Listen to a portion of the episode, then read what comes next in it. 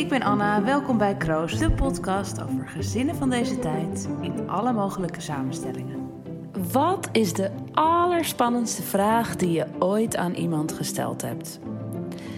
Merel en Mirjam hebben samen een zoon, Thomas.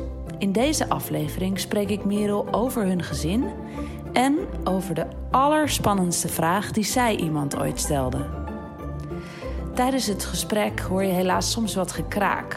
Dat lijkt de microfoon te zijn, maar het is Ronja, de kat van Merel, die nogal dicht onder de microfoon lag en lekker aan het spinnen was. Verder vertelt Merel over een hele belangrijke tip en hoe die bij haar bijna mislukte. Luister mee. En zo kan het dus ook.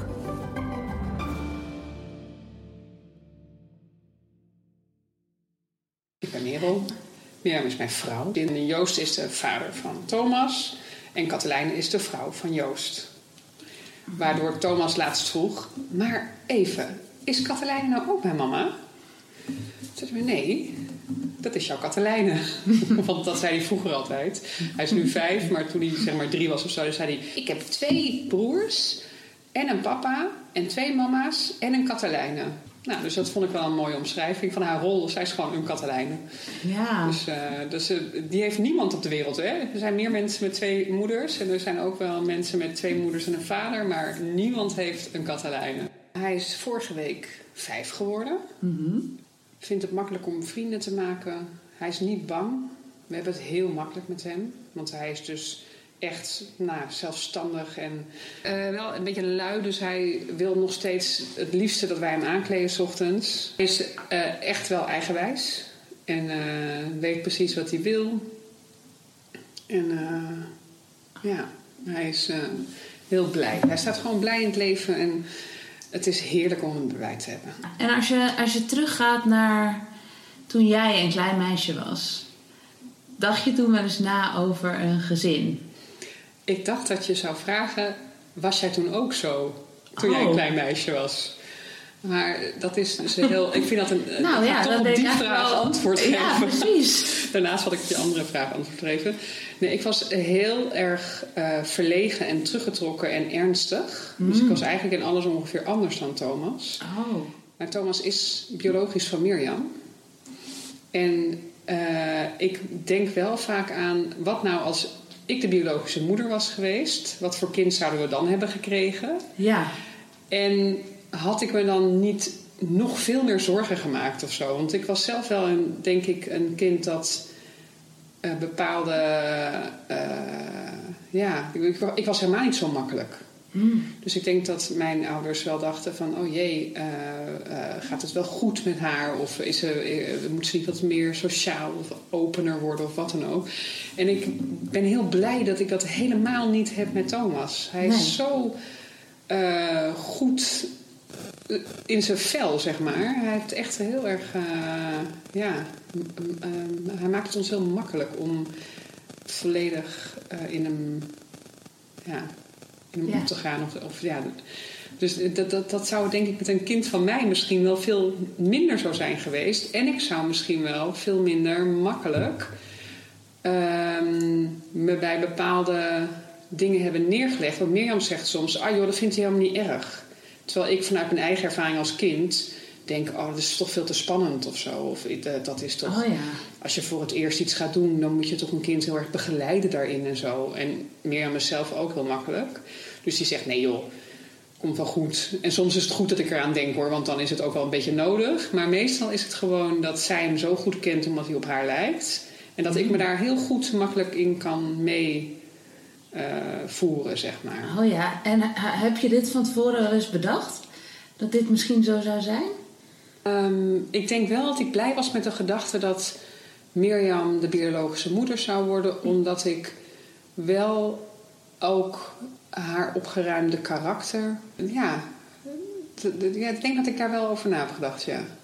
Ja, en het is natuurlijk gewoon je liefste. Dus Ja, daarom. Dat, Dus wil het je is- ook heel graag. Precies. Maar dat had zij misschien andersom ook wel. Ja. Dus- Ja, want als je er, eh, toen jullie daarover na gingen denken, ja. eh, van we willen misschien wel een kindje. Uh, zijn, waren dit dan ook dingen waar je, waar je het over had samen? Of? Ja. En ook over de vraag of je als niet-biologische moeder wel uh, net zoveel kunt houden van een kind als wanneer je wel biologische moeder bent. En dat kan je van tevoren zo moeilijk voorstellen. Maar inmiddels weet ik dat als je elke dag een kind naar bed brengt en elke dag met een kind opstaat en het hele leven met een kind samen hebt, dat het echt volledig uh, irrelevant is. Of je nou biologisch of niet biologisch uh, bent uh, als ouder. En, maar dat vond ik echt een hele spannende vraag van tevoren. Mm -hmm. Ik ja. was echt wel bang dat, er, uh, dat dan Mirjam en Thomas een soort uh, tweepak zouden vormen en dat ik daar dan mezelf buiten zou voelen staan. Nou, het is echt nog nooit gebeurd. Als ik dat had geweten van tevoren, zou dat heel fijn zijn geweest. En Katelijne zei dat wel tegen mij. Die zei: Ah joh, zo werkt het helemaal niet. Uh, je bent gewoon de liefde die je geeft elke dag en die je terugkrijgt, dat maakt dat je gewoon je Hmm. een ouder voelt van een kind. maar dat geloofde ik ook wel, maar ik kon het nog niet voeden toen. En dat was, ik, vond ik wel spannend. Ja, dat is ook heel spannend. Ja. En je hoort er ook wel eh, andere verhalen over, tenminste. In de zin van dat het toch anders is. Sommige mensen Oh, zeggen ja. dat. Maar ik hoor ook een heleboel mensen die zeggen eigenlijk precies wat, wat jij zegt. Nou, ik merk wel dat die band met Mirjam en met Thomas anders is. Eh, dus dat herken ik ook wel. En dat is dat, dat zij eh, toch een soort onzichtbare binding heeft of zo. Op een ander niveau dan ik heb. Of, zo, of zoiets. Ik weet niet hoe je dat moet uitdrukken. En dat zeg ik ook wel eens tegen haar. Eh, ze kan ook daardoor veel meer botsen met hem. Op een bepaalde manier. Ehm, dus die, die band is wel toch anders. Maar dat, ja, ook omdat zij hem, denk ik, ja, gedragen heeft of zo. Of dat dat, ja. Ik ben natuurlijk toch ook gewoon allebei andere individuen. En je bent dus sowieso andere sowieso een individuen. andere ja, zeker. Ja. En ja, soms denk ik wel eens, ik, wat ik heb is, heeft de vader misschien ook. Je bent niet, eh, eh, ja, je hebt dan wel dezelfde DNA doorgegeven, maar je staat er toch net, in het, zeker in het begin, eh, toch ietsje meer vanaf dan wanneer je de moeder bent die het kind baart. Maar ik heb het helemaal niet als, eh, eh, als eh, echt totaal niet als erg ervaren. Nee. Ik vond het gewoon prachtig vooral. Het was echt alleen maar fantastisch om te zien dat dit allemaal kan. Ja, en je was er natuurlijk ook gewoon de hele tijd Ja, bij. Dus precies. Je, je hebt gewoon alles. Nou, en de kraamverpleegster die vond het ook heel belangrijk dat ik alles leerde. En ik mocht ook sommige dingen eerder doen dan Mirjam. Dat was ook heel lief van haar. Ze zei, ja, jij bent de eerste die Thomas in bad gaat doen. En dan kon ik het aan Mirjam leren. En dacht ik, hé, hey, we zijn net zo unskilled erin. eh, want we weten allebei helemaal niet waar we aan zijn begonnen. Maar nu weet ik iets. En nu zit ik, ja, dat vond ik heel fijn. Het was echt eh, mooi. Leuk. Ja. Dus dit was, het was iets waar, je, waar je, jullie wel over nadachten. Ja. Ja. En was het toen snel duidelijk dat Mirjam dus de biologische moeder zou worden? Ja, dat kwam door twee dingen. Omdat zij ietsje ouder eh, is dan ik. Eh, nog ouder, want ik was ook wel toen best oud. Toen we het erover hadden was zij volgens mij 39. En eh, ik 37. Of was- misschien was zij al net 40. Ik weet het eigenlijk niet meer zo goed. Ik had heel erg het gevoel... Ik heb eerder met een, met een man proberen zwanger te worden... en dat is niet gelukt. Nou, er was niet een aanwijsbare reden al gevonden of zo dat het bij mij lag. Maar ik had wel het idee dat ik echt moeilijk zwanger zou kunnen worden. En we wisten van andere stellen, lesbische stellen... die een kind wilden krijgen... dat het echt jaren kon duren. En toen dachten we... eh, misschien moet Mirjam het proberen. Die had ook... eh, ja, dat was gewoon dat klopte of zo heel erg goed bij mijn gevoel en bij haar gevoel. En als het dan niet zou lukken, dan zouden we altijd nog een soort van tegelijk proberen of zo. Ja, dat, we zijn daar nooit gekomen. Oh ja. omdat, eh, Omdat het, dus heel snel ging. gelukkig, Ja. precies. Nou, als, als kind zag ik denk ik voor me dat ik gewoon met een man een gezin zou hebben. Denk ik. Ik heb nog wel een dagboek waarin dat, waar ik ook mijn toekomst af en toe beschreef. Om dan later te kunnen checken of het klopte. En daar Oh, was ik cool. dan wel... Ja, dat was wel cool. Superburgerlijke ideeën. En volgens mij had ik daar altijd wel een man. Maar ik, ik denk dat ik ook nog wel een keer heb geschreven... iets als of een vrouw. Ik denk dat ik dat wel misschien nog eh, tot de opties toen... eh, maar uiteindelijk ben ik dus het hele traject met een man ook... eh Ooit aange- ja, aangegaan. precies. Ja, dus, ik- toen had ja. je eigenlijk al bedacht van... ik heb een kinderwens. Ja, klopt. Ja, ik had wel altijd wel een kinderwens. Maar ik vond ook die kinderwens doodeng. Echt heel spannend. Wat vond, je, wat vond je daar zo spannend aan? Nou, dat je de zorg hebt voor een levend wezen dat echt van jou afhankelijk is, vond Mhm. ik echt killing, die gedachte. En ook dat dat betekent dat je zelf echt heel veel moet inleveren Ja, qua tijd. En ik ben iemand die heel graag alleen af en toe iets doet. En als je dat dan met een kind wil combineren, dan ja, is dat toch. ja, moet je daarin schipperen. Ja. Dat, gaat, dat wordt minder. En hoe wist je dan dat het, dat het je toch waard was, zeg maar? Die, Niet wist ik dat. dat wist je niet. Nee. Maar je hebt toch die keuze Nou, Mirjam begon, maken?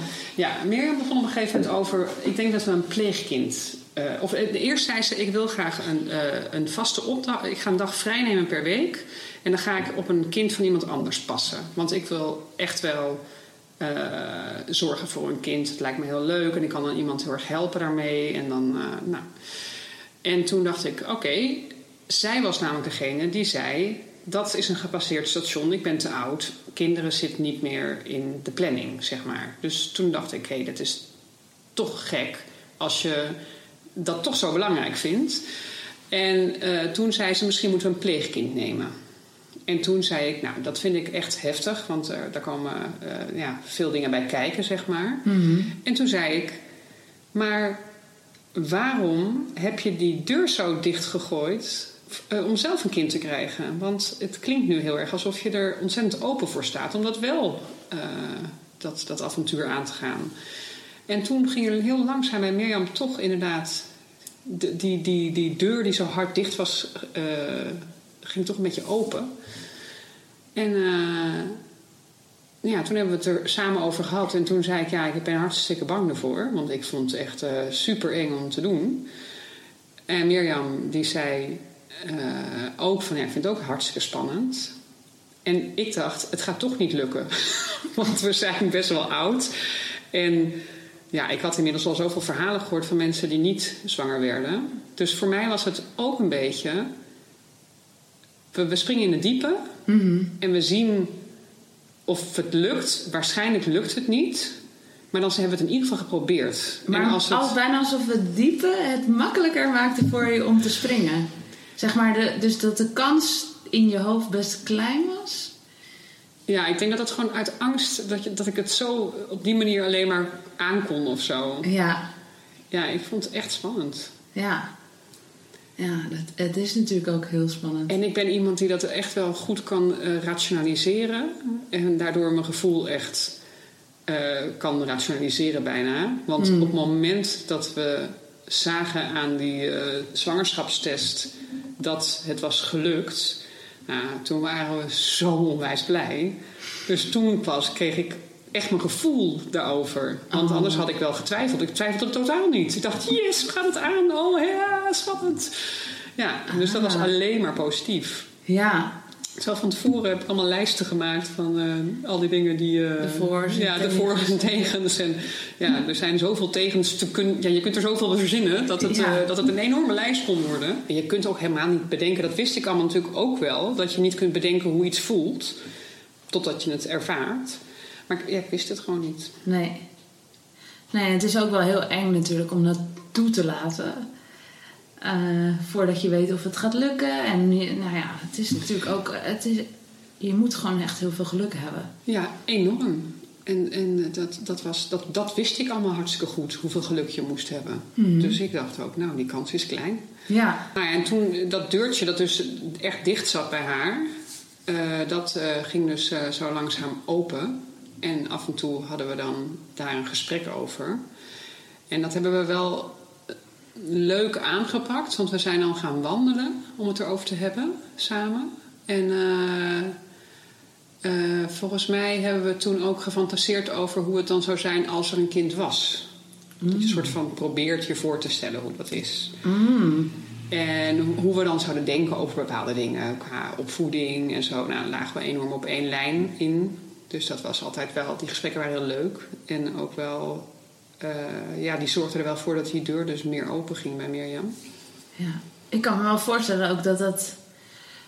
Ook al leef je samen en heb je een relatie... dat dat toch nog iets heel anders kan zijn dan hoe, hoe je denkt over de opvoeding. Ja, en we hadden nog niet, eh, we hadden toen denk ik twee jaar een relatie. Dus het was ook niet alsof we elkaar al Mm. echt door en door kenden. Oh ja, We ja, kennen ja. elkaar wel heel goed en we wonen samen. En we waren echt wel Ja, van plan om... eh, ja. Ik weet wel eh, dat we het ook in die gesprekken hebben gehad over de rol van de vader. Mm. Ja. Eh, want toen wisten we nog niet wat we zouden gaan doen. Nee. En daar moesten we ook achter komen. En toen hadden we vrij snel allebei zaten we op één lijn dat we ons kind heel erg zouden gunnen dat die broers of zussen zou hebben eh, in, een al, in een gezin dat al af was. Dat, we- dat vonden wij een hele fijne gedachte. Dat de vader eh, niet nog een kinderwens had eh, voor zichzelf. Mm. Eh, en dat het gezin ook niet nog op een ander kind zat te wachten of zo. En Ja, dus alsof hij ook, een soort- of hij of zij, dat wist je natuurlijk toen nog niet, maar een soort extra was en niet. eh, geen vervanging of, of, of geen eh, wens die dan ook in vervulling zou gaan. Ja. Oh, ja. Dat leek ons, wij, wil- wij wisten allebei heel erg dat wij samen die opvoeding en alles wilden doen. En dat we ook niet nodig zouden hebben om een extra ouder figuur, dus de- iemand die dan ook de beslissingen neemt en de zeggenschap heeft over schoolkeuzes, verhuiskeuzes, weet ik het. Dus dat, dat wilden we heel graag samen dan als gezin doen. Maar we wilden wel heel graag dat de vader een bekende was. Dus iemand die we in ieder geval waarvan wij wisten wie diegene was. En het liefst dus met ja, al kinderen. Mhm. En waarom wilden jullie dat, eh, dat het iemand was die jullie kenden? Het leek ons fijn voor het kind om te weten wie eh, zijn vader was. Ja, Zijn of haar vader. ja. En het leek ons fijn om dan te kunnen zeggen van nou, eh, Piet of zo, je kent hem wel. dat is dus je vader. Ja, we wisten helemaal niet hoe dat dan zou gaan en op welke leeftijd dat dan eh, zou, Zou komen. spelen, ja, maar dan precies. zouden we wel heel graag ja, dat, ja, willen dat dat heel normaal zou zijn. En dat hij ook zou weten gewoon waar hij naartoe moest als hij naar zijn vader zou weten. Mhm. Ja, want hoe zit jullie constructie nu eh, in elkaar? Ja, de, we- en bedoel je met de constructie hoe de, de taken verdeeld zijn? Of, Eh, ja, en, en, en want is het, is het zo dat eh, hij dus volledig bij jullie is? ja, Eh, Thomas is volledig bij ons. mhm. Ehm, en eh, Joost is heel vaak, maar ook weer niet zo heel vaak eh, bij ons op bezoek of wij zijn bij hen op bezoek. Eh, en kijk, Joost en Katelijn zijn hele goede vrienden van ons. Dus wij zien ze gewoon zo vaak als we hele goede vrienden zien. Oh, ja. Eh, het zijn de dichtstbijste vrienden die ik had, zeg maar. En die zijn natuurlijk nog dichterbij gekomen. Ja. Wauw. Wat heel spannend was om ze te vragen daardoor. Want ja, we waren ook natuurlijk bang dat het misschien iets zou doen met de vriendschap. Ja. Maar dat heeft dus alleen maar positief resultaat gehad. Dus jullie waren aan het fantaseren daarover en jullie hadden bedacht wat voor soort vaderrol, vaderfiguur eigenlijk meer eh, jullie het liefst zouden willen. En ja, En toen, toen hebben we een lijstje gemaakt van... eh, los van elkaar. Dus ik heb een lijstje gemaakt en Mirjam heeft een lijstje gemaakt van mensen die wij kenden. Ook mensen die we niet in onze directe vriendengroep hadden, maar wel eh, ja, waarvan je weet van ja, dat is die. En, eh, en hebben we een lijstje gemaakt van mannen die wij ja, in die rol vonden passen. En daar had ik wel Joost op staan, maar daar meteen bij gezet veel te dichtbij. Veel te spannend om dat te doen, want dan is het zo zo precair en zo dichtbij, dat vond ik te spannend. En eh, we hadden op die lijsten hadden we eh, twee namen hetzelfde. Joost stond daarop bij allebei. Uh, waarbij Mirjam het juist een heel goed idee vond om het te doen. En ik dus heel erg. Oh. en een andere iemand die ook echt een goede optie zou zijn geweest. Die hmm. dit niet weet overigens. Nee, oh, dat is ook altijd heel natuurlijk. Ja. ja. Maar als jij dus zegt van ik vond het te spannend. Ja.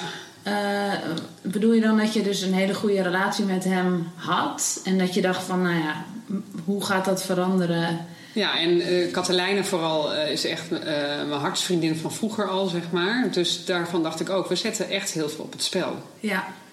En, en wat waren dan dingen waar je, waar je aan, aan dacht? Of, of waren ja, nou, bepaalde Bijvoorbeeld dat Joost zich dan toch uh, te veel gehecht uh, zou voelen uh, of, of de, toch invloed zou willen hebben op zijn zoon. En terecht, ja, ik bedoel, dat zou ik me dus heel goed kunnen voorstellen dat dat zo is. Um, of dat we oneenigheid zouden krijgen over iets wat met de opvoeding te maken zou hebben. Of met of dat ik me misschien op het. Want daar was ik ook nog wel bang voor. Dat ik me dan uh, de derde voelde. Dus dat Joost en Mirjam leuke ouders zouden gaan spelen. Uh, of voor Thomas in zijn hoofd de ouders zouden zijn. En ik zo'n soort van erbij zou zijn. Terwijl ik dat niet wilde. Ik wilde nee. gewoon ja, moeder zijn. Dus daar was ik ook wel bang voor. Mm. Omdat we ze ook zo vaak zien. Dus we, ja, we komen bij elkaar over de vloer. En dat betekent dus ook dat Thomas meteen zou weten. Terwijl die andere man die op die lijst stond, die zien we helemaal niet zo vaak. Ja, oh, ja, ja, ja. Dus dan zou je één of twee keer per jaar uh, dat contact hebben. Ja. Ja, het is natuurlijk sowieso een kind. Weet je, maakt niet uit waar een kind geboren wordt. Het, zet alle verhoudingen, verschuift het. Precies. En, en hoe minder traditioneel het is, hoe, hoe moeilijker het in te schatten is natuurlijk wat er dan precies gebeurt. Ja, en wij waren natuurlijk onervaren ook als ouders, dus we wisten, je weet gewoon niks. Nee. Nee. En alles was er spannend aan. En als je dan zo dichtbij uh, vriendschap vraagt om hier aan mee te doen, ja, mega spannend. Ja. Echt het allerspannendste wat ik ooit in mijn leven aan iemand heb gevraagd. Oh, of aan twee mensen dus heb gevraagd. Oh.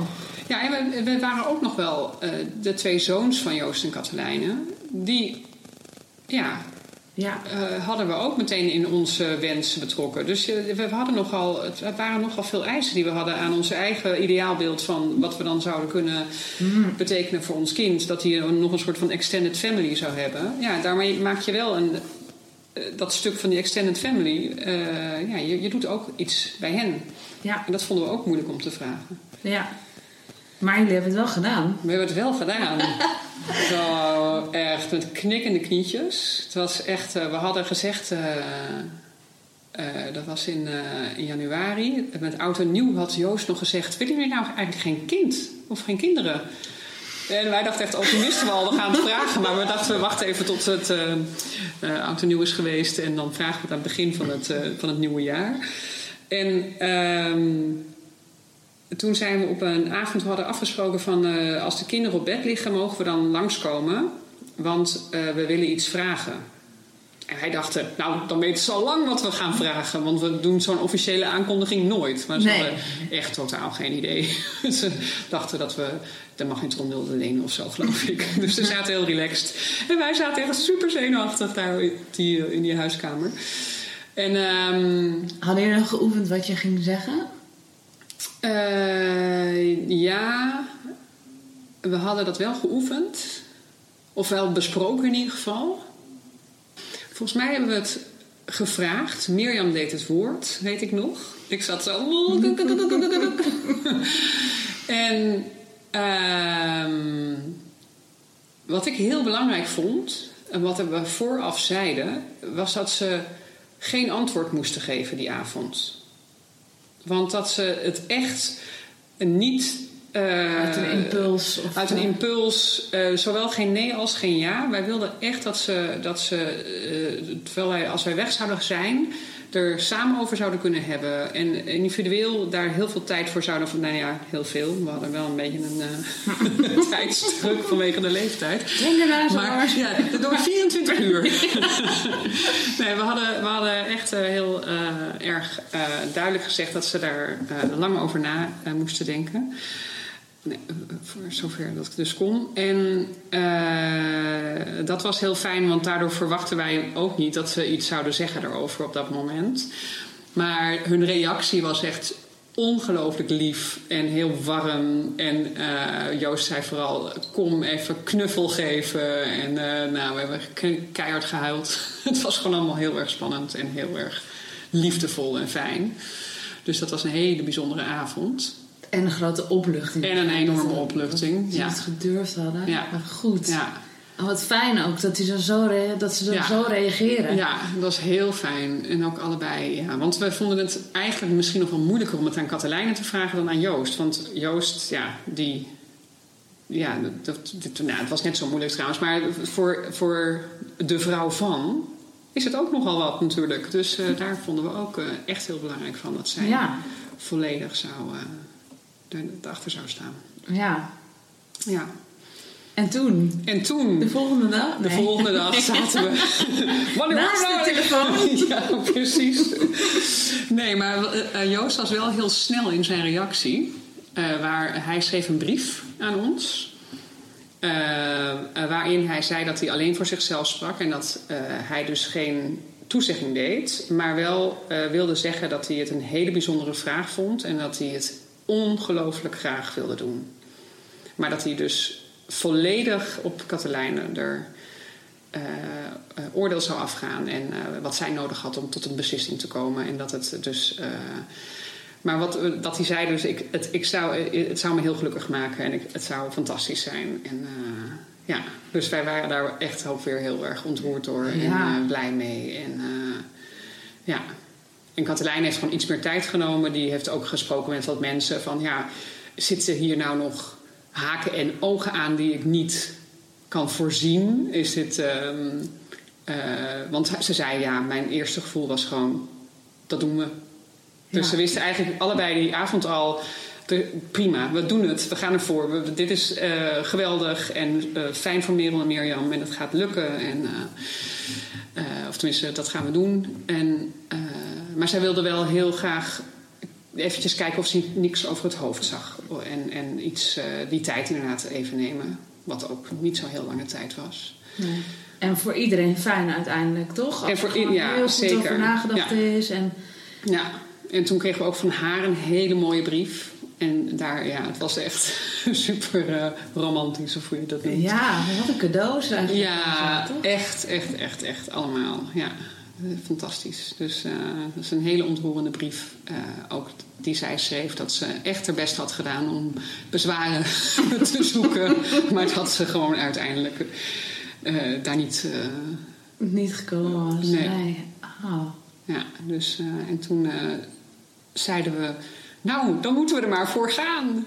En toen hebben we ons ingeschreven bij het eh, ziekenhuis. Ja, want, Want- wa- waarom was dat eigenlijk? Nou, omdat eh, je dan eh, meteen de inseminatie kan doen met medische omstandigheden die dat Ja. dan kunnen bevorderen, zeg maar. Want eh, hoe wisten jullie dan dat je naar het ziekenhuis... Ja, we, we hebben denk ik, omdat we zoveel mensen kenden die dit traject al hadden doorlopen, was dat volgens mij gewoon de tip. De tip was, eh, op jullie leeftijd moet je niet te lang gewoon thuis blijven hannissen. Je moet je meteen inschrijven. En dan, eh, want volgens mij, we hadden ons bij de VU ingeschreven en daar zit volgens mij zelfs een leeftijdsgrens aan. Dat klopt, ja. En Ja. daar moesten we dus ook rekening mee houden. Dus wij wisten, we hadden heel veel kennis en heel veel informatie al gekregen van eh, al die andere stellen die eh, het hadden geprobeerd en waarbij het wel of niet was gelukt. En sommige dus eh, vijf, ma vijf jaar heeft geduurd. En, ja, dus wij wisten, we moeten snel handelen of zo. En volgens mij is de kans in een ziekenhuis iets groter. Ja, de wachtlijst, de, wacht, de wachttijd is op dit moment vier maanden. Volgens mij was dat of drie maanden, niet zo heel lang. Maar ze zei, ga vooral proberen met zo'n ehm, eh, test of je vruchtbaar in je vruchtbare dagen zit. Ja. En eh, ja, probeer het vooral al. Want uh, kan geen kwaad en wie weet lukt het. Nou, dus ja. Volgens de, de, jongste zoon van Joost de Katelijnen kwam zijn vader toen met een pan vol sperma. oh, vandaar het Precies. Ja, dat is wel een goede grap. En nou ja, Joost was ook een beetje zenuwachtig natuurlijk. En het was allemaal heel spannend. En...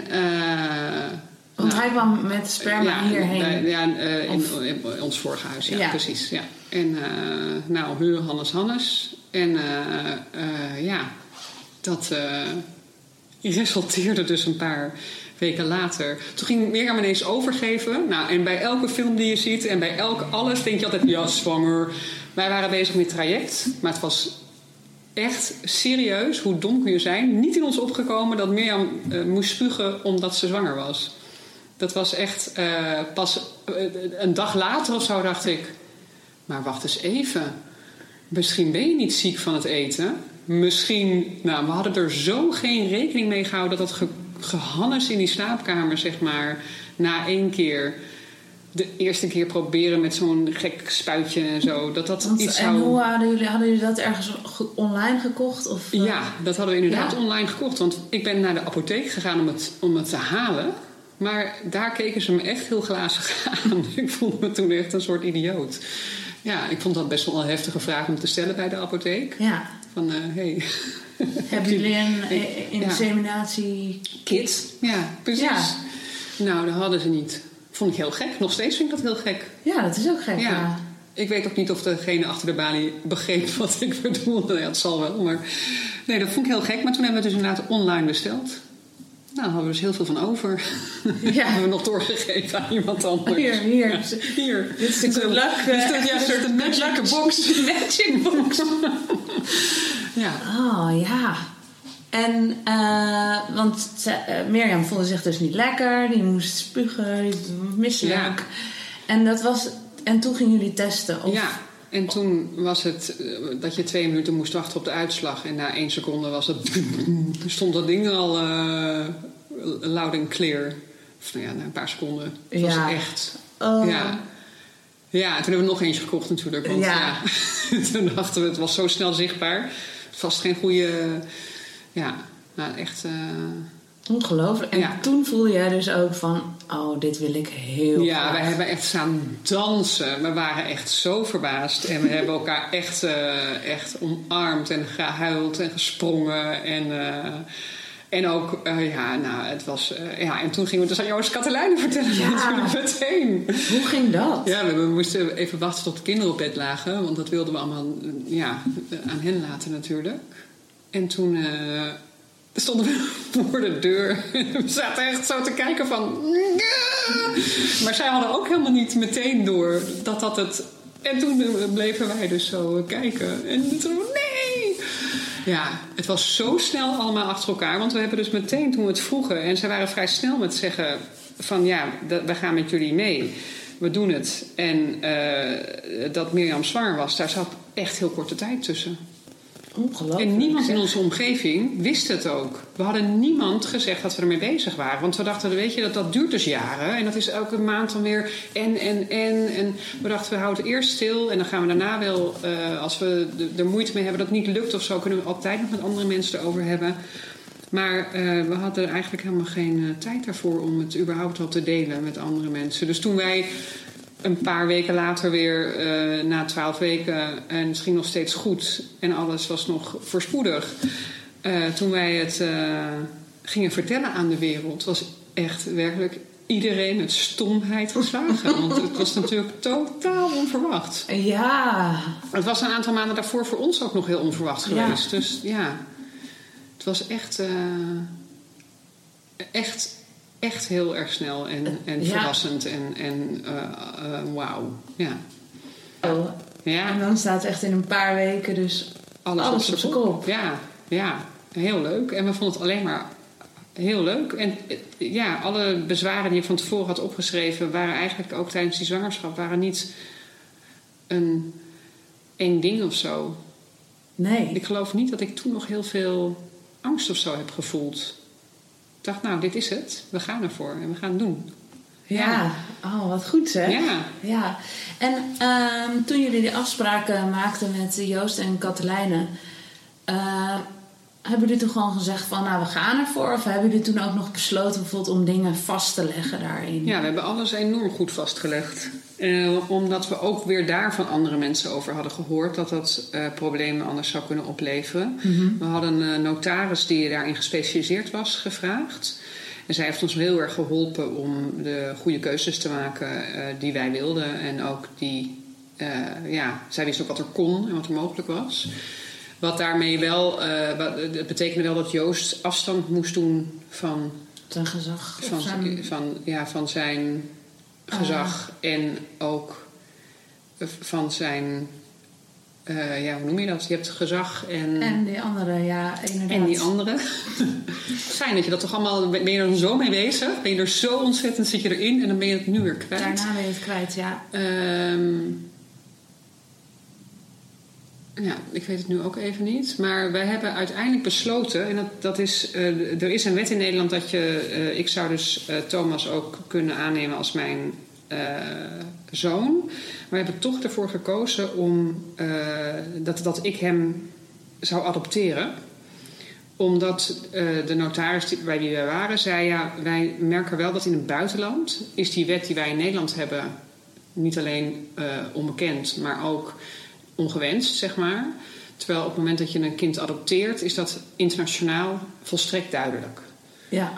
En uh, als er dus bijvoorbeeld uh, een situatie die bijna uh, nooit voor zou komen, maar ja, je, je bent in het buitenland en Mirjam wordt ziek of Thomas wordt ziek, dan ja, stel Thomas wordt ziek in het buitenland en Mirjam overlijdt bij datzelfde uh, dan weet ik het, de, de overlijdt eraan. Dan ben ik uh, daar en dan zou ik niet Thomas mee terug naar Nederland kunnen halen, omdat ik niet wettelijk dan zijn uh, ouder. ouder zou zijn. Ja.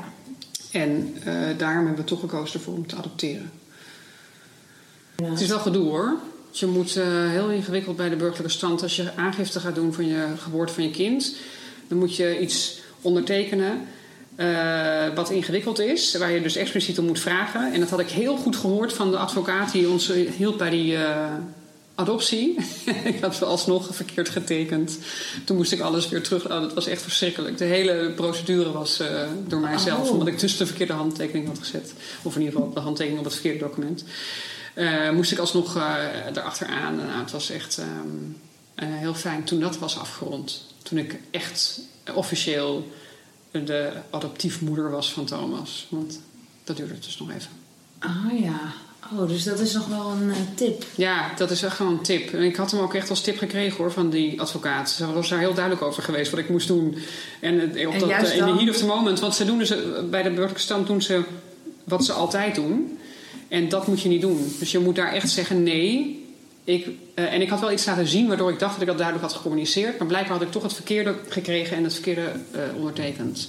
En dus, doe je dit op het moment van aangifte? Ja. ja. Oh, oké. Oh, dus jij stond daar ook als net nieuwe moeder helemaal in de Ja, precies. Totaal uh, ontoerekeningsvatbaar. Ja. dus de standaardprocedure was weer de leidende procedure, zoals altijd natuurlijk. En wat ook heel logisch is. en daar moet je dus de hele tijd alert op zijn dat je niet de standaardprocedure moet volgen. Oké, okay, dus dat is de tip. De tip. Dit hadden jullie allemaal echt uh, vastgelegd al voordat jullie gingen beginnen? Of hebben jullie dat toen tijdens de zwangerschap uh, gedaan? We hebben een aantal dingen vastgelegd voordat we gingen beginnen. Uh, namelijk dat Joost dus niet de, ja, hoe noem je dat nou? De, de, de, de vader zou zijn, de vaderrol zou vervullen, zeg maar, in, ja. als opvoedkundige en of hoe heet het, als opvoeder en als Um, ja, dus de, de, die zou, de, dat hadden we al afgesproken. En we hebben het ook gehad over dingen als uh, ja, familie. We zijn dan de ouders van Joost, de opa en oma van Thomas. Dat soort dingen, daar loop je tegenaan. Ja. Uh, daar hebben we van gezegd, nou dat is niet zo. Want die jongen heeft al dan twee opa's en oma's aan allebei de kanten. Dus dat is genoeg. Anders hebben we heel erg veel... Uh, ja, het wordt heel snel heel veel meer. Hè, ja, allemaal. Het, wordt, ja. het, het, gaat heel uh, rap inderdaad. Dus dat, dat, uh, daar, daar hebben we het wel over gehad. En dat was allemaal heel duidelijk. En dat hebben we ook duidelijk vastgelegd. Zodat Ja. er geen twijfel over zou eh, bestaan. En het is alleen al heel fijn als je gewoon alles heel uitvoerig besproken hebt. Precies. Maar ook zoals we nu zitten, merk je ook hoe snel je dingen ook weer Ja, kan vergeten. Ja, precies. Dus is het goed dat je het vastlegt. Ja, Ja. Dat, dat we, waren we heel blij om. Ook al is het nog niet nodig geweest of zo. Het is gewoon fijn om het vast te leggen, vonden wij. En dan eh, Ja, eh, ook weer te bedenken... oh ja, wat hadden we nou ook weer afgesproken? nee. Maar goed, we hadden dus inderdaad al die eh, Ja. niet-traditionele vormen... kenden we wel heel goed. En we konden dus ook met heel veel mensen erover hebben. Ja. En de dingen die jullie daar dus eh, v- eh, uit geleerd hadden, waren dus ook van dat soort dingen als een contract is handig. Eh, het gaat niet altijd meteen goed. Het gaat Ja. niet altijd goed. Ja. Eh, wat voor dingen haalde je daar nog meer uit? Nou, we hadden ook een stel dat dus ook met de beste vrienden een kind had gekregen. Of drie zelfs. Drie kinderen had gekregen. En daar waren we heel blij van om te horen dat dat juist alleen maar heel veel had versterkt. En dat dat fijn was. En eh, dat dat dus heel goed kon, zeg maar. Daar wilden wij natuurlijk een soort van bevestiging van Ja, krijgen. natuurlijk. Ja. En dat was eh, ja, eh, wel heel prettig om, dat, ik, om met hen te kunnen praten. Ja, dit juridische aspect vond ik fijn dat er al mensen waren die daarvan wisten. Dus los van die notaris. Ja, toen zijn vier andere vrienden naar die notaris gestuurd, zeg maar. Dus dat was fijn dat we mensen wisten die dat al hadden uitgezocht. En ehm, ik heb het wel met, met, eh, met één vriendin besproken eh, van tevoren trouwens. Maar die wist dus niet dat, we, dat het al zo snel gelukt was. Maar die had ik wel van tevoren al gevraagd van... Hey, hoe zat het dan met jou? En wat, eh, ja, wat, wat is je gevoel met jouw kinderen? Dat je, dat je altijd op het tweede plan komt? Of ben je ook net zo erg moeder als jouw vrouw bijvoorbeeld? En daarvan zei ze, ja man, net zoveel moeder als mijn vrouw. Ja. Wat het, het blijft zo ontzettend individueel natuurlijk. Er zijn allerlei dingen waar je zelf over in zit. En dan denk je dat het daar allemaal, eh, ja, dat, dat, dat, dat de spannende dingen zijn. En dan hoor je, terwijl je praat met andere mensen, dat er eh, andere mensen weer hele andere angsten hebben. En dan denk je, oh grappig, daar heb ik dan weer helemaal geen last van. Ehm, en dat is gewoon ook fijn om een soort totaalplaatje te kunnen krijgen. Dat je gewoon veel verhalen hoort. Ja. Daarom vind ik de podcast ook zo'n goed idee. Ja. het- Ik zou heel graag naar deze podcast hebben geluisterd. Precies, ja, ik ook. Dus dat, dat is ook wat ik eh, probeer te doen. Dus dat ik al heel veel soorten overwegingen probeer mee te geven. Ja, En daarin merk je ook dat het echt inderdaad voor iedereen is er net weer een ander ding waar je je heel erg zorgen over maakt of, eh, of niet. kijk, wat, wat, wat ook fijn is dat wij een bekende eh, donor hebben, is dat we altijd kunnen zeggen dat dingen die we niet leuk vinden aan Thomas, dat die.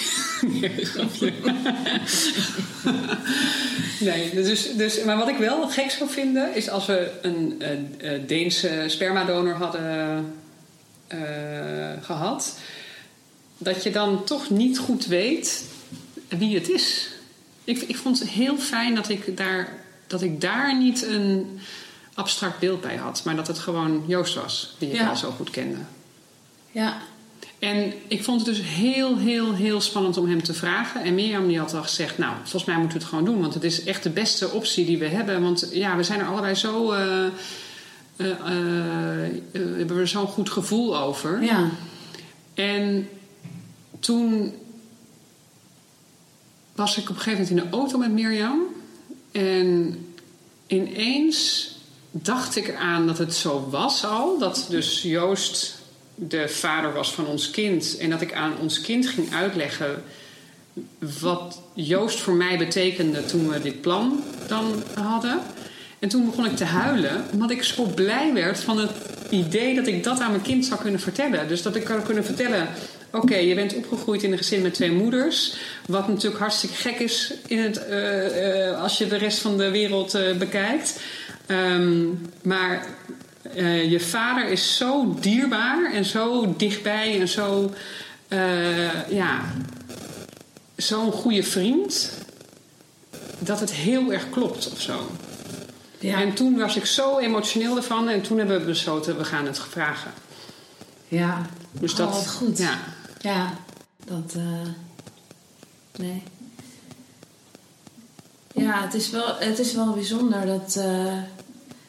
Ja, van tevoren denk je ook aan een heleboel dingen die zeg maar mis kunnen gaan Ja. of zo. Of, eh, maar eh, eh, wat bepaalde keuzes je allemaal zeg maar aan extra's kunnen brengen. Ja, precies. Dat, dat... is, dat kan je eigenlijk bijna niet meenemen in, in die afweging. Terwijl Nee. ik denk dat dat wel een heel belangrijk element is. Nou ja, dat was wel toen ik, toen ik in die auto zat en ineens dacht aan de situatie die er zou zijn als we een kind zouden krijgen met eh, hulp van Joost en Katelijne. Dat ik daar zo emotioneel van werd. Dat is wel het moment dat ik die doorgang vond of zo eh, van de mogelijkheden. Naar de mogelijkheden toe. Naar de, de rijkdom ervan. En Ja. de positieve dingen. Ja. In plaats van inderdaad wat je zegt, al die bezwaren of eh, hobbels of eh, mogelijke tegenslagen die je dan zou kunnen krijgen. Ja. Ja. Ja. en misschien moest je die ook wel eerst allemaal Ja, een soort van... dus zo zit ik ook zelf ook in elkaar. Dus ik moet dat ook even allemaal De- op ja. een rijtje hebben. En dan eh, ga ik vervolgens totaal op mijn gevoel iets doen. Denk ik dat ik zo... En dat blijft ook nog steeds. Ik bedoel, hij weet al vanaf zijn nul dat Joost zijn vader is. Dus er is nooit enige twijfel over geweest, zeg maar, wat ook heel fijn is. Maar het blijft ook nog steeds dat het fijn is om hem te vertellen hoe dat is gegaan. Niet dat we dat natuurlijk in details bespreken, maar wel, hij vraagt wel eens naar hoe ging dat dan precies? Oh ja? Ja, ja. ja en, en hij had dan op school had hij het thema gezin. Wat heel leuk is in Amsterdam, want dan heeft de hele klas wel uitzonderlijke. Ja, de, de- standaard eh, vorm is natuurlijk nog steeds wel het meest eh, normaal. Of de meest, eh, voor de meeste kinderen geldt die. Maar in zijn klas zaten er ook weer allerlei andere varianten. Dus dat is dan heel leuk, vind ik, dat hij in Amsterdam opgroeit. En dat hij dus niet daarin afwijkt eigenlijk. Ja, Maar hij, had er wel vragen over, want hij zei ja, eh, nu heb ik dus op het prikbord alle opties gezien. Eigenlijk was dat een heel mooi plaatje geweest voor jouw podcast. dat je dus al op het prikbord, al- alle kinderen hadden hun eigen foto mee van het gezin. En toen hadden we dus ook, wij moesten een foto van ons gezin, vanwege het thema gezin. Toen hebben we dus ook zowel de foto met ons drieën als de foto met z'n allen gestuurd. Want dachten we, ja, het is toch, we zijn met z'n drieën het gezin.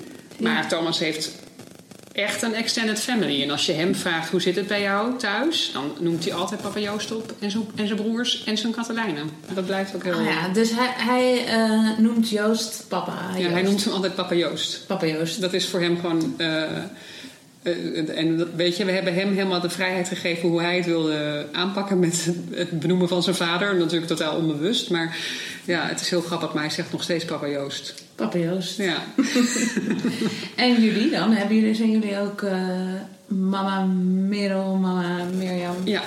ja we zijn eh, mama. Als er twee in de kamer zijn, zijn we mama Mirjam of mama Merel. Maar we zijn soms ook Merel of Mirjam. Mirjam, zegt hij dan. dus het is, hij kiest gewoon wat hij. eh, Wat er net uitkomt. En als je zegt van eh, al vanaf dat hij nul was, hebben we, hebben we dat zo verteld. Hoe heb je dat dan gedaan? Want ik bedoel, ik denk als een kind heel jong is, dan. Ja, we hebben toen hij één werd, hebben we een fotoboek gemaakt. Dat heet De Familie van Thomas. En dan staat er, eh, eerst staan er allemaal foto's van hemzelf in het eerste half jaar. En dan krijg je eh, een foto van hem. Hallo, dit is Thomas. Nou, dan krijg je de tweede bladzij. Thomas woont in Amsterdam. Met zijn twee mama's. En dan zie je ons en hem samen. En een aantal foto's eh, dat we eh, het geregistreerd partnerschap, dat we er mooi uitzagen. Een soort trouwfoto, zeg maar. En dan komt op de volgende bladzij is eh, ehm, de bladzij waarin de extended family ineens eh, op de proppen komt. ja. Papa Joost en eh, Katelijne en hij heeft ook twee broers. En dan heeft, heb je mm, daarna opa's en oma's en de ooms en tantes. En dan is zijn familie, dat hebben we gewoon voorgelezen aan hem. En dat vond hij een hartstikke leuk boek. Ja. hij speelt de hoofdrol erin, want we hadden iedereen op de foto met hem. Dus hij staat op elke bladzijde de hele tijd in het middelpunt. En dan eh, heb je dus eh, ja, heel snel zo zijn hele familie bij elkaar. Ja, oh, wat leuk. Wat een, Ja. wat een goed idee ook. ook Ja, want dat was- ga je dan zo voorlezen. Ja, om het nou te gaan vertellen, ja, Ja. dat is ook best lastig, toch? Als een kind zo klein is. Ja, maar dat, dat eh, is ook, was volgens mij toen ook al bij hem bekend. Want hij is volgens mij gewoon door zijn vader, omdat hij ons ook een beetje wilde pesten of zo, zei hij. eh, ik ben je papa, ik ben je papa. ging hij ook volgens mij steeds zo zeggen waar we bij waren. Eh, om het maar, toch had hij al afstand gedaan van al zijn rechten als vader. Om het er wel even in te wrijven. Dus dat was ook. ehm, ja, dat, dat, dat, dat, dat was volgens mij is dat gewoon. We hebben het nooit verteld aan hem, omdat het gewoon permanent al zo was of zo. Ja. En we Ja. zeiden ook, eh, de, we, we, we gaan naar papa toe of zo, zeiden we dan wel. Precies. Eh, Volgens mij zei ik in het begin zelf de tijd, we gaan naar je vader toe. Want ik vond papa toen nog een beetje te spannend of zo, omdat dat zo intiem was. Ja. Ge- Gekke dingen doe ik toch in mijn leven af en toe. Maar eh, dat vond ik dan toch een beetje spannend, dat ik zei, ja, eh, je papa, dat is echt dan zo dichtbij. Dat, is- dat moet ook iemand zijn die je opvoedt en die, die de, de hele tijd bij je opvoeding betrokken is. Ja. En dus zei ik volgens mij het eerste, eh, toen, hij, toen Thomas eh, goed kon snappen wat ik tegen hem zei, heb ik volgens mij in het begin nog steeds gezegd: je vader. Ja. Zo heel. Ja, ja. ja heel van, Nadrukkelijk. zo, zo zit het. Ja, zo zit het. Zo zit het. Ja. Oh ja, ja. Oh ja, dat, ik herken het ook wel hoor. Ik had het ook afgesproken inderdaad met dan de, Ja, de, De, donor, donor. was het dan Ja, eigenlijk. precies. De donor. En dan was het van... Nou, jij bent de donor, dus we noemen jou gewoon bij je voornaam. ja. En, En ik nou ja, ben mama. en ik ben mama. En, en uiteindelijk mag zij wel kiezen... Wat mijn het- dochter dan, eh, precies. hoe, hoe ze jou noemt. ja. Maar eigenlijk ben je... Terwijl, ja, Ja, nou, zo ging het precies bij ons. En toen we zeiden ook van, ja, Thomas moet het uiteindelijk maar zelf beslissen wat hij doet. Nou, en dat was dus al heel snel papa Joost. Dus ja, toen heb ik het ook maar opgegeven met mijn je vader. ja. Ja, En papa Joost is gewoon ook heel leuk, toch? is- vind ik ook, papa eh, Joost. Papa Ja. Joost. en een Katelijn. ja, en Katelijne is echt eh Dat is- mega belangrijk. Ja, die heb ik nog niet voor de podcast. Een Precies. gezin met een Katelijne. Nou. nu dus wel. Ja, dit is, eh, en dat is de rijkste, het rijkste jongetje van vijf jaar oud van de hele wereld, denk ik. Met een papa Joost en een Katelijne. Ja, Ja, En twee broers. echt hoor. En twee broers. En hier ook nog een kat die eh, heel Ja. gezellig lag. Een Ronja. Ja, Ronja? dus, ja. Ja. Oh. Ja, dus we hebben het Een heel goed. Thomas vraagt ook vaak, hoe ging het ook weer precies? Hij vroeg toen hij jarig was ook, vertel eens over de dag dat ik werd geboren. Nou, dan ga je vertellen en eh, dan zeggen we, en wie denk je dat we het eerste belden? En dan zegt hij, dat, dat, dat weet hij al lang, zegt hij, papa Joost. dat klopt. en hij liet al zijn spullen uit zijn handen vallen en toen kwam hij naar jullie toe. Zei ik, dat klopt, om jou te zien. En Katelijne, die was op de fiets, die stopte en keerde om en kwam meteen naar ons toe. Dat is ook zo mooi, dan weet hij helemaal het verhaal. oh, wat goed. Al dat soort details. Ja, gekeerd. En, eh, en toen kwamen, eh, ook nog mooi voor het dramaverhaal, kwamen Joost en Katelijne op hetzelfde moment bij ons voor de deur aan. En kwamen ze samen binnen. Wauw. Ja, dat was ook En echt. toen eh, konden jullie... eh, En de kraamverpleegster moest, moest toen heel erg huilen. Echt? Ja, Oh. het zo ehm, met z'n vieren en z'n vijven dus, want Thomas was er natuurlijk ook, Ja. dat we daar eh, op dat bed met z'n allen zaten. Zei ze, nou, dit is wel echt heel mooi. Ja. Oh. Nou, Ja. Het moet misschien maar een film worden dan. Ik Ja, al klinkt zo. Even kijken wie mij gaat spelen. Ah. Ja, en eh, de, de kinderen van Joost en Katelijne die zijn nu pubers. Eh, ze vonden het heel bijzonder en heel leuk en heel eh, mooi dat Joost eh, dat voor ons over. Toen had de oudste eh, op school ook. die was volgens mij ging die net naar de middelbare school toen. En toen moest hij ook voor zijn middelbare school een formulier invullen van hoe ziet jouw gezinssituatie eruit. En toen had hij Thomas erbij geschreven. Nou, vet onroerend. Ja, oh, ik krijg er ook kippenvel van. Ik heb dus al de derde keer volgens Ja. dat ik... eh, Nou, en, en volgens mij, hoe ongelooflijk mooi is dat? En, Ja. en wat ongelooflijk fijn dat dat zo kan en zo voor hen ook zo voelde dat dat leuk was om te vertellen. Ja. Wat ik heel fijn vind, we hebben afgesproken dat we één keer in het half jaar ongeveer, dat hebben we niet zo goed gepland, maar gaan we, nemen we Joost en Katelijne mee uit eten. En dan gaan we het alleen maar hierover proberen te hebben. Nou, gaat eerst twee uur lang gaan we zwijmen over hoe leuk Thomas wel niet is. maar dan is ook het moment om aan te geven: ik vind dit lastig of ik vind dit uh, fijn. Uh, het is echt een heel fijn moment, omdat je het zo prikt om het niet als gewoon vriendenetentje te doen, maar echt om het hierover te hebben. Dat je het over dat soort dingen kunt hebben. En wij voelden ons wel in het begin, vroegen we wel dan op dat soort avonden van zijn we niet soms een beetje te veel met uh, gezin dat we ineens bij jullie op de stoep uh, staan elke mm-hmm. avond. Nee, dat was niet hoor. Maar dat, en dat zeiden zij, nou nee, volgens mij niet. Volgens mij vinden de jongens het ook heel leuk en hebben ze helemaal geen uh, problemen daarmee met hoe het gaat. Maar dat was fijn om het af en toe even op zo'n moment, moment, te hebben. Te, ja, je, ja. ja. Nee, we doen nog steeds nu elke half jaar ongeveer. En dan, dan is het altijd een hele bijzondere. En, ja. op een gegeven moment is Thomas er. Ja. Hoe, hoe bepaalde je dan zeg maar de, de afstand of de frequentie? Hadden jullie het daarover gehad? Nee, we hadden het wel over gehad dat we altijd eerlijk moesten zijn naar elkaar toe als het te veel zou worden. Um, en waar dan ook. Gewoon ja, precies. Kant op, ja. ja. En uh, Joost heeft een hele natuurlijke manier gevonden voor ons om niet te dichtbij te komen of zo. Terwijl hij er heel dichtbij is hè, de hele tijd. Maar het heeft echt, we hebben dat ook heel vaak uitgesproken, nooit gevoeld alsof het te veel was. Nooit. Geen seconde. Het is echt heel bijzonder. En ik, daar was ik van tevoren echt wel bezorgd over en, uh, en bang voor dat daar de verschillen te groot zouden zijn in wensen. Maar het is echt. Op een gegeven moment uh, belde Joost en die zei: Ja, ik heb uh, Thomas te lang niet gezien. Uh, mag ik heel even langskomen? En dat was dan, ja, had hij hem wel ook inderdaad al, weet ik het, een maand niet gezien of zo. En uh, dat vond ik heel leuk. Dacht ik, wat fijn, wat leuk dat hij het zo zegt. En uh, natuurlijk mag je even langskomen. Ja. En in die begindagen waren ze er wel vaak, denk ik. En dat was wel heel fijn.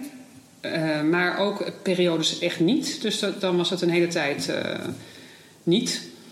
En nu is het denk ik dat we elkaar ja, ik denk eens in de twee weken of zo zien.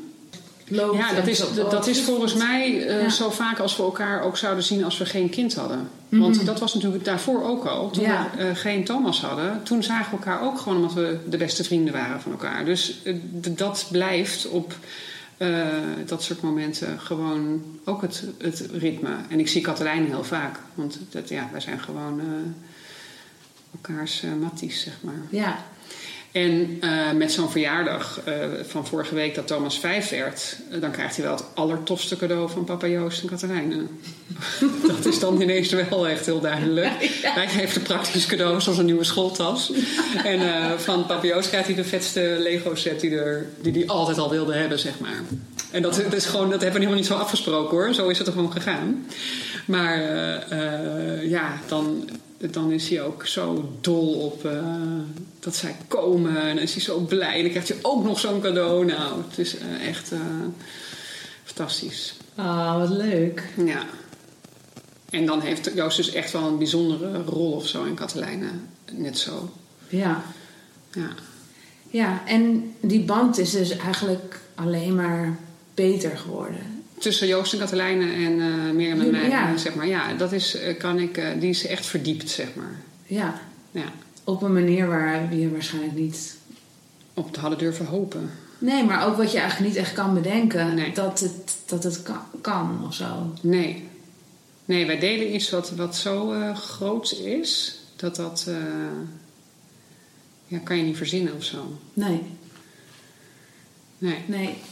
En dat brengt ook wel echt iets heel extra's. Ja, ik denk dat Thomas echt uh, heel erg uh, blij mag zijn.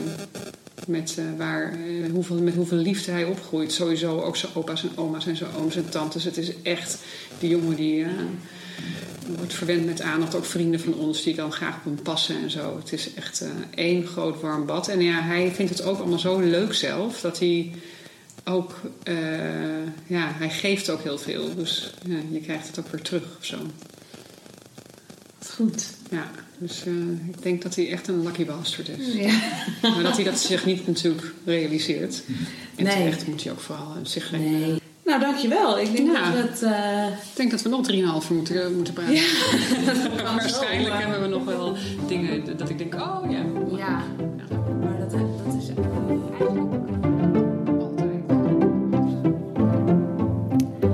Dit was het verhaal van Merel, Mirjam, Thomas, papa Joost, Katelijne en hun twee zoons.